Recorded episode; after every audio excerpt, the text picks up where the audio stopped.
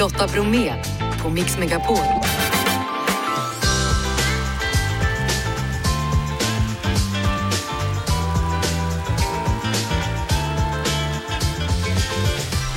Hallå där och varmt välkommen in till oss denna torsdag. I dagens mix Karin da Silva. Hon får pengar från folk som vill köpa hus minsann. Osedda hus. Ni hör henne efter 17.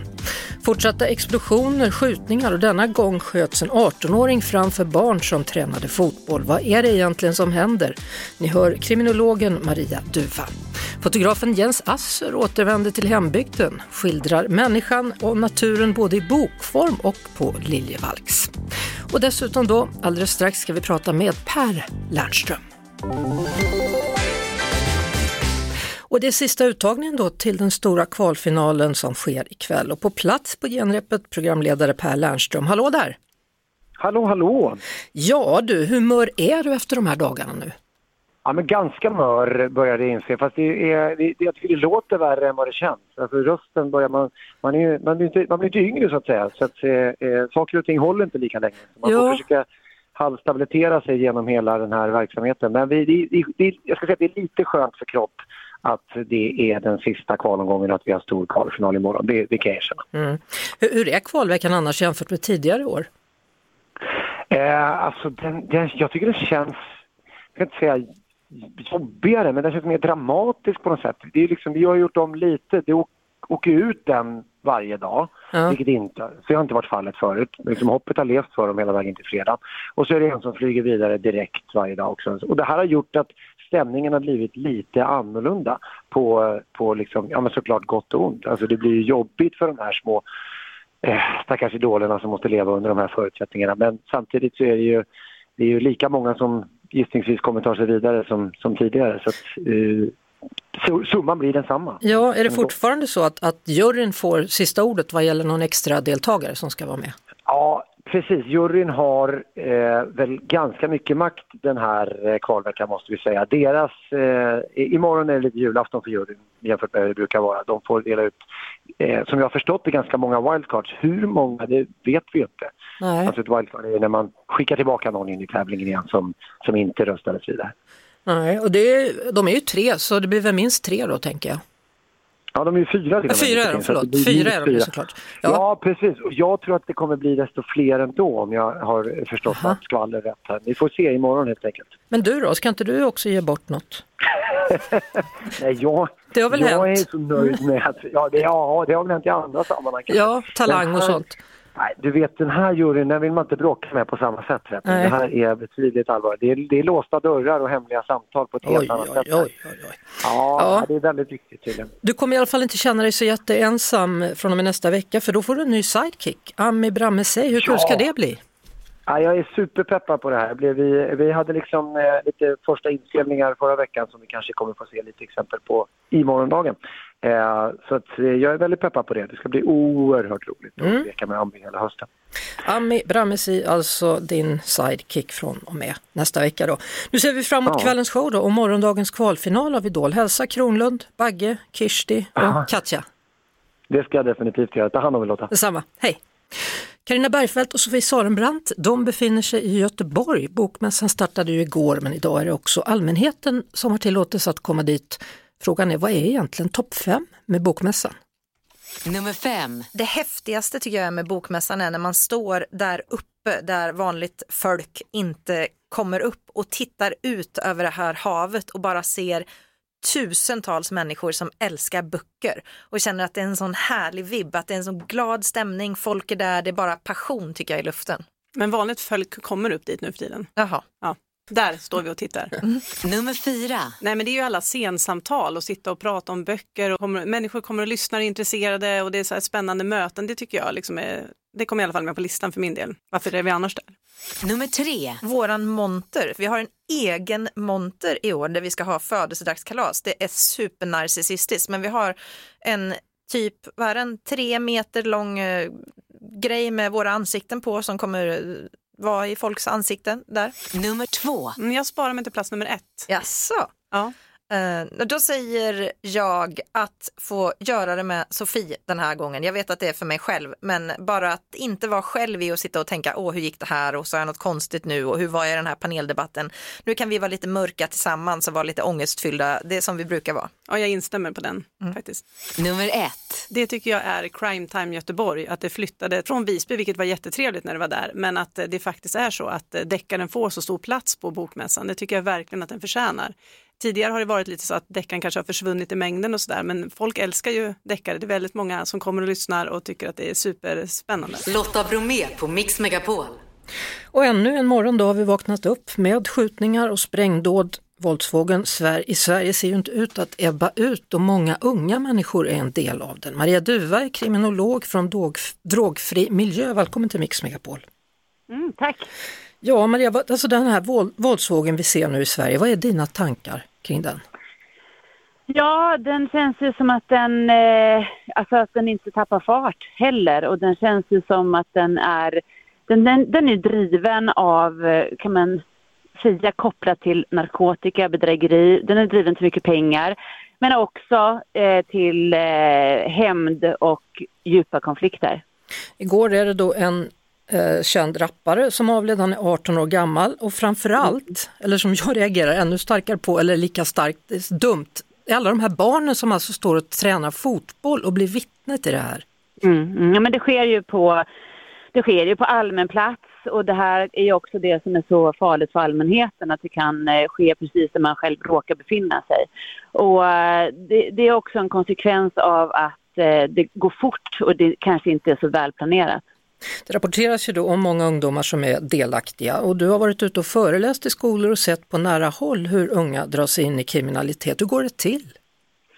Olika anledningar. Man kan, eh, man kan lockas och fascineras utav hela den här kriminella livsstilen och att det skulle generera snabba pengar och att eh, det genererar status och tillhörighet, vilket det faktiskt kan göra. Det kan ju vara så att de här gängen erbjuder just tillhörighet och att man kanske får skydd och beskydd och någon håller din rygg ifall du är i en farlig situation. Men det, det kan ju också vara så att man typ faktiskt groomas in eller insocialiseras, att man eh, lockas in i det på olika sätt eller hotas in eller också bara helt enkelt blir ålagd, du ska göra det här. Eh, det kan ju liksom vara olika anledningar, olika anledningar för olika personer. Ja. Eh, jag såg ett reportage på tv häromveckan där man pratade om att tidigare så satte man in åtgärder i högstadiet men nu har det hela gått ännu lägre ner så nu måste man börja sätta in åtgärder i fyran, femman, sexan för att, folk, eller för att barn inte ska bli inblandade i sånt här. Ja, men det är sånt som allmänheten har jättesvårt att förstå. Jag tycker att det är obehagligt. Bara du säger det så tycker jag att det känns hissnande för mig.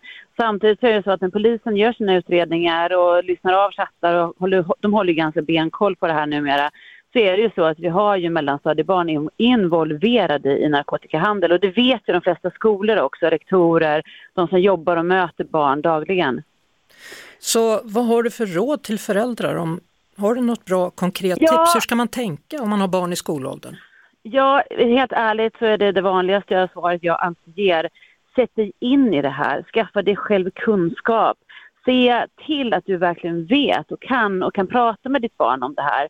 För kunskap kan ju också göra just att man vågar och man kan fatta klokare beslut in i framtiden. Och jag kämpar ju på med det här på egen hand, eller på att säga, genom mitt eh, engagemang i Drogpodden. Mm. Och här intervjuar jag ju sakkunniga personer på ett sätt som alla kan lyssna till.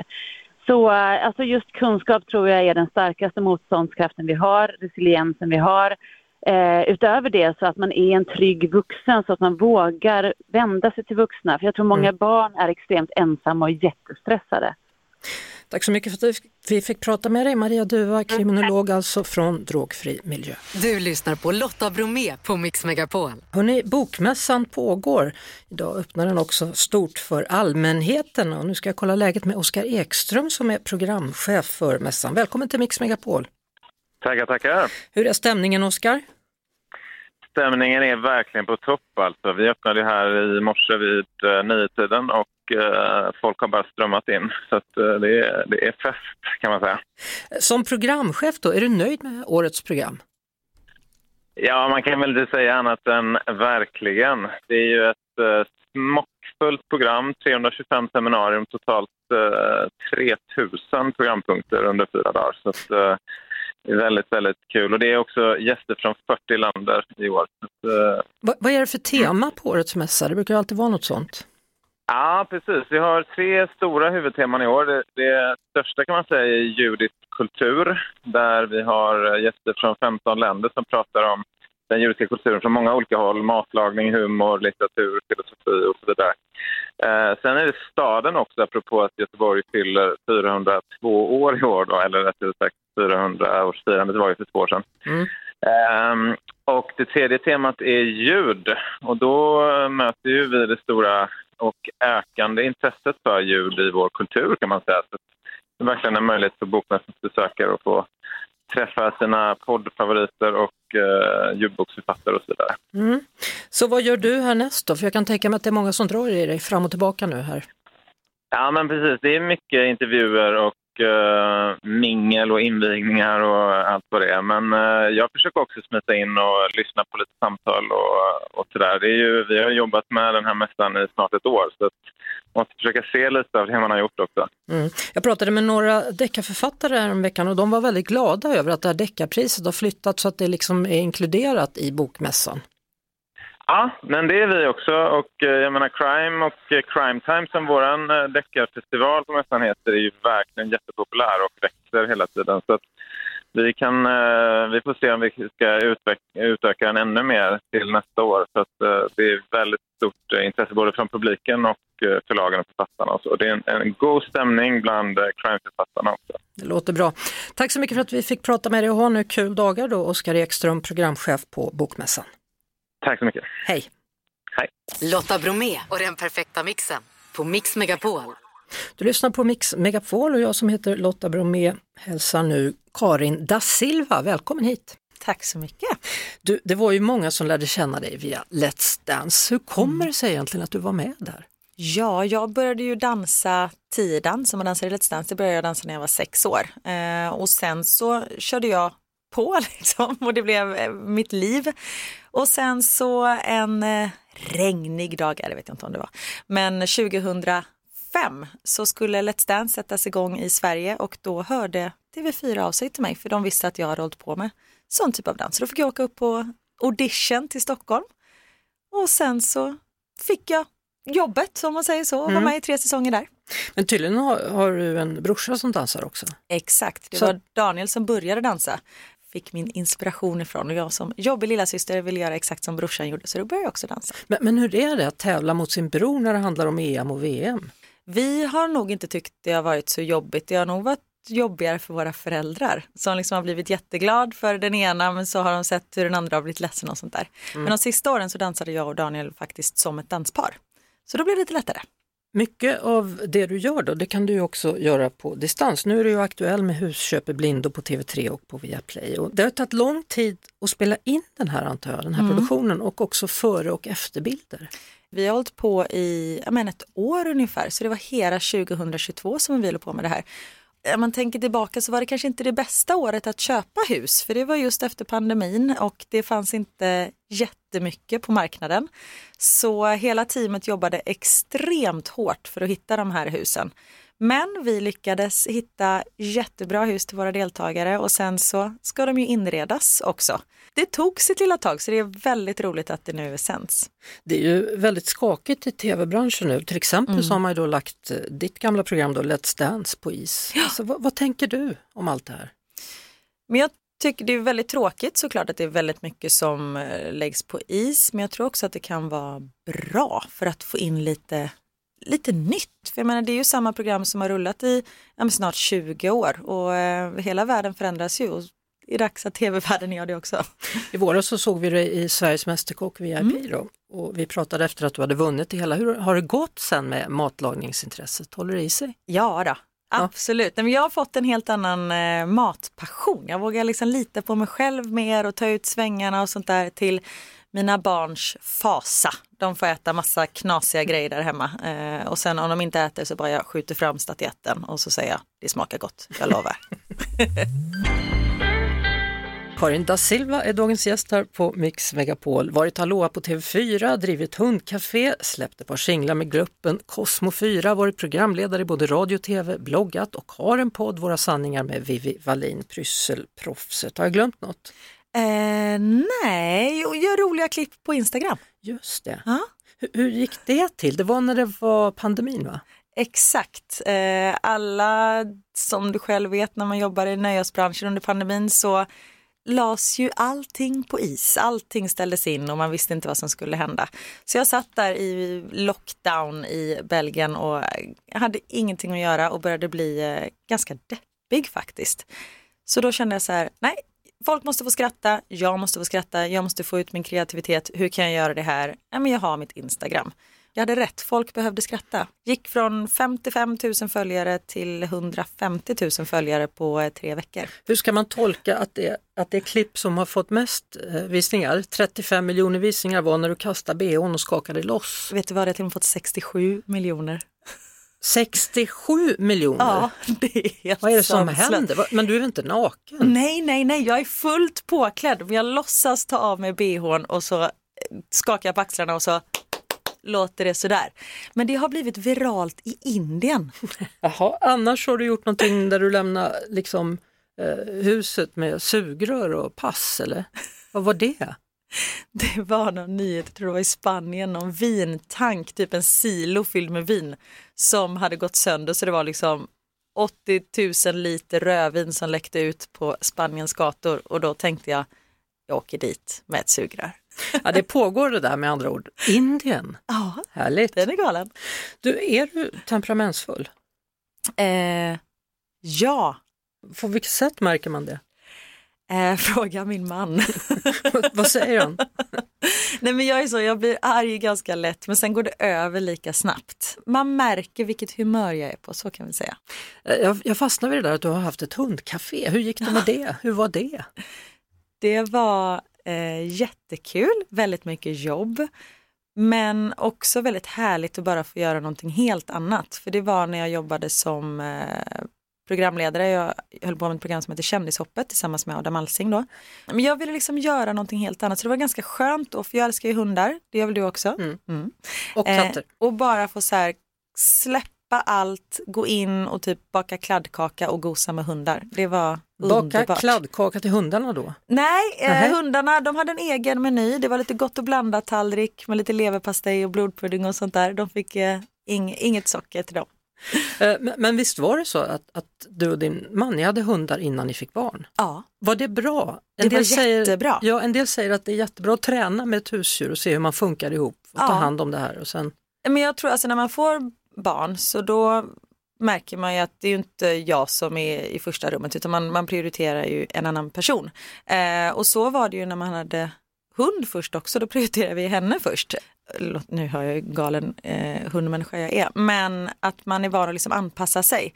Så när vi fick barn så var det, det var liksom ingen jättestor chock. Vi var vana och var tvungna att anpassa sig efter någon annan. men hur är det som mamma då? Du har ju två söner också. Eh, säger och suckar. Ja. Nej, men jag är nog en ganska, en ganska hård mamma, får man säga så? Jag tycker det är viktigt med ja, men så här, bra bordsskick och att man ska kunna föra sig bland folk och sånt där. Samtidigt som jag är också en ganska lekfull mamma som eh, tycker det är jätteroligt att vara den pinsamma mamman vid upphämtning. Eh, står och liksom flossar när man ska hämta dem och de bara så här, mamma för i tusan. Man bara, ha, ha, ha.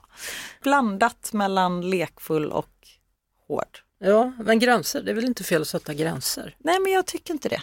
Jag har sagt att man vet aldrig, ni kanske får gå på Nobelmiddagen någon gång och då måste ni kunna uppföra er. Men hur var din uppväxt då? Var den mer portugisisk än svensk eller en blandning? Blandning skulle jag nog vilja säga. Det är nog därför jag är ganska outgoing och frispråkig för att min pappa är det. Eh, samtidigt som jag har ju en eh, mamma som är psykolog och eh, väldigt så grounded och sånt där. Så jag har verkligen haft den här balansen. Du bor ju i Bryssel idag då. Hur, hur hamnar du där? Min man Niklas, han fick jobb där som transportattaché.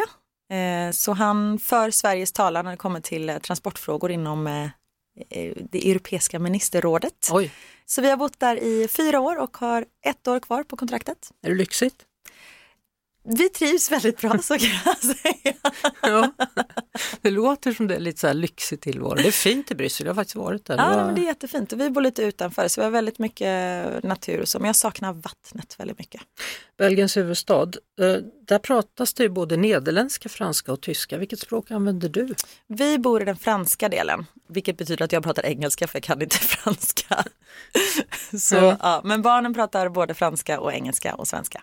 Så hur gamla är de? Nu är de 10 och 7. Kommer de vilja flytta tillbaka till Sverige då tror du? Jag vet inte riktigt om någon av oss vill det faktiskt. Nej. Vi är liksom sugna på att fortsätta det här äventyret så vi får se vad vår nästa destination blir. Så det kan bli utbyte i alla fall. Det kan bli någon annat ställe än Bryssel och Belgien. Ja, då blir det en helt annan tjänst för min man. Du då, vad tänker du framöver? Vad kommer du hitta på? Vad har du för planer? Ja, vad har jag för planer? Mitt problem får man väl säga är att jag tycker så mycket är så roligt. Jag älskar ju att podda och jag älskar att göra tv och jag älskar att jobba med Instagram och jag älskar att sjunga och dansa och spela teater. Så vi får liksom se lite. Men just nu kör ju Husköp i blindo på och sen så våra sanningar, podden kör på. Vi planerar en till livepodsturné runt om i Sverige. Spännande. Mm. Så sen vill jag jobba mer med humor. Det är liksom där jag vill, eh, det blir nog nästa satsning tror jag, humor. Visst var det så att du anmälde ett intresse att ta över Allsång på Skansen efter Sanna Nilsson? Det gjorde jag säkert. Ja, och nu har ju Pernilla Wahlgren tagit det jobbet, vad tycker du? Exakt, hon är fantastisk. Det är lite humor. Ja, verkligen. Nej, men Pernilla, klockren. Det blev bra. Det, det blev jättebra. Sen vet man inte hur bra det har blivit om jag tog över, men eh, hon, eh, hon är helt okej. Det kommer nog finnas ett par år till det här programmet. jag tror det. Man ska aldrig säga aldrig. vet du. Exakt. Tack så mycket för att du kom hit. Tack Karin snälla. da Silva. Privat natur, så heter nya boken med fotografen och filmaren Jens Assur. Välkommen till Mix Megapol. Tack! Jens, vad betyder naturen för dig? Oerhört mycket. Jag är uppvuxen i naturen men tappade den relationen under faktiskt nästan två årtionden när jag bodde i Stockholm. Men återfann den när jag fick barn och de sista åren så har vi tillbringat all vår tid som vi har kunnat i naturen och utforskat naturen och våra egna känslor när vi är i naturen. Vilken roll spelar det att du är född och uppvuxen i Blåsjön och Jämtland? Jag tror att det är stor betydelse för jag har alltid identifierat mig med Stora Blåsjön, med Jämtland. Jag har alltid känt mig hemma när jag kommer upp, som jag brukar säga. Och jag trivs i naturen och jag tycker mycket om elementen, jag tycker om väder. Nu är du ju, kan man nästan säga, framme då. Det är en sju års resa med det här projektet. Ja, det har varit eh, sju fantastiska år därför att eh, det som är speciellt med det här projektet är att jag har skildrat min egen familj. Jag har skildrat min fru, mina barn och mig själv när vi möter naturen. Och projektets kärna är just individens relation till naturen. Vad händer med oss när vi är i naturen och vilka spår lämnar vi efter oss? Och det har varit eh, oerhört lustfyllt. Det har många gånger varit spännande och ibland direkt farligt. Vilka platser har du varit med familjen? Vi har sökt oss till platser som kanske inte än är så exploaterade. Finns de, jag på att säga. Ja, det gör de faktiskt. Jo. Det finns platser i södra Sydamerika, det finns platser i Afrika och jag skulle också vilja säga att eh, stora delar av den svenska fjällkedjan, Norge, Finland som ligger nära oss kan du hitta platser som är helt oexploaterade. Tidigare har du gjort projekt eller böcker om krig, hunger, globalisering, om skogen. Kommer allting tillsammans i ett nu, eller hur? Ja, det är en bra fråga. Jag har faktiskt tittat själv på vad jag gjort tidigare och kan konstatera att jag började långt bort och skildrade andra människor i andra delar av världen. Och sen har jag sökt mig successivt närmare genom att titta på medelklassen, titta på de stora städerna etc. Och nu har jag ju verkligen klivit så nära som jag kan genom att porträttera min egen vardag och mitt eget förhållningssätt. Gemensamt för alla projekten är att de handlar om hur vi försöker forma världen och försöker finna en plats. Det handlar väldigt mycket om vilka livsval vi gör. Och jag har ju en idé att mina projekt ska leda till just eh, reflektion, att de ska leda till debatt och diskussion. När man pratar med människor, ofta i undersökningar, så får de frågan tror du på Gud? Och då är det många som säger ja, jag vet inte riktigt, men ibland kan det kännas som så när jag är ute i skogen eller när jag är i naturen. Det är väldigt svenskt på något sätt. Känner du igen det? Ja men det gör jag. Och jag tror att jag kan ha ett svar på varför man upplever sig nära, varför man kan känna en innerlighet och en tillfredsställelse. Och det är att när du är i naturen och utövar någon form av friluftsaktivitet så kräver det att huvudet är där kroppen är. Du måste vara både mentalt och fysiskt närvarande och jag tror ju det är grunden för att uppleva lycka, att vara här och nu. Och det är det jag tror många människor känner, de är i nuet. När man är i naturen? Ja, du kan inte åka skidor, fiska, jaga, vandra utan att både använda ditt intellekt och din fysiska förmåga. Så hur orolig blir du för hur vi behandlar naturen då? När du har jobbat med det här projektet i sju år? Jag är på nära håll orolig över vår relation till allemansrätten. Allemansrätten gör det möjligt för att alla kan ha en relation till naturen oavsett eh, ekonomisk status, social bakgrund etc. Och nu ser jag att det är många som vill privatisera naturen, kommersialisera den svenska fjällkedjan och det gör mig bekymrad. Sen är jag ju som alla bekymrad över de stora frågorna. Vad händer med klimatet? Jag tror vi alla kände en klump i magen denna sommar när vi såg vad som pågick på så många olika platser runt om i världen. V vad tänker du när jag säger plast och sopor? Jag har sett det själv faktiskt. Jag har varit på en av världens mest avlägsna öar, St. Brandon i Indiska oceanen, eh, 100 mil ifrån närmsta fastland. Ett antal sandöar som förändras över tiden. Gemensamt för alla öarna var att de var täckta av plast och det man framförallt ser är engångständare, plasttändare, alla dessa sandaler, fotbollar och olika former av förpackningar som färdats troligtvis då ifrån delar av Asien och hamnat här och eh, ligger såklart och skvalpar omkring. Jag tänker på det här då med eh, att du och familjen flyttade tillbaka mm. för tre år sedan till Jämtland. Har du kommit fram till nu, kan du formulera vad det egentligen var du saknade? Jag har haft 30 bra år i Stockholm och Stockholm har varit en generös stad mot mig. Jag sökte mig inte härifrån utan jag sökte mig till någonting annat. Och vad Duved, Åre, Jämtland ger oss, det är vad jag skulle vilja kort beskriva som en annan onsdag. Det vill säga att en vanlig onsdag kväll kan jag ge mig upp på fjället, jag kan åka skidor, jag kan vandra, jag kan fiska när jag nu vill. När vi levde i Stockholm, för att kunna leva det liv som vi sökte, så reste vi bort. Och det ser jag är ohållbart i det långa loppet att hela tiden resa iväg för att uppleva naturen. Och vad säger barnen då? Barnen grät ju den sommar vi skulle flytta upp i stort sett varje dag och tyckte det var fruktansvärt att lämna eh, fotbollslag, kamrater, skola. Idag så upplever jag att de trivs jättebra. Jag brukar säga att min uppfattning är att genom att flytta till en mindre ort har de fått en större värld. Mm. Det är vackert. Stort tack för att du kom hit och berättade om boken Privat natur. Jens Assur. Tack snälla. Lotta Bromé på Mix Megapol. Och nu är det dags att säga tack och hej för idag. Det är Janne, det är Lotta, det är Krille, det är Jeanette och så är det Jeff Neumann som är producent. Strax Erik Myrlund. Miau. Ett poddtips från Podplay. I fallen jag aldrig glömmer djupdyker Hasse Aro i arbetet bakom några av Sveriges mest uppseendeväckande brottsutredningar går vi in med hemlig telefonavlyssning och, och då upplever vi att vi får en total förändring av hans beteende. Vad är det som händer nu? Vem är det som läcker? Och så säger han att jag är kriminell, jag har varit kriminell i hela mitt liv men att mörda ett barn, där går min gräns. Nya säsongen av Fallen jag aldrig glömmer på Podplay.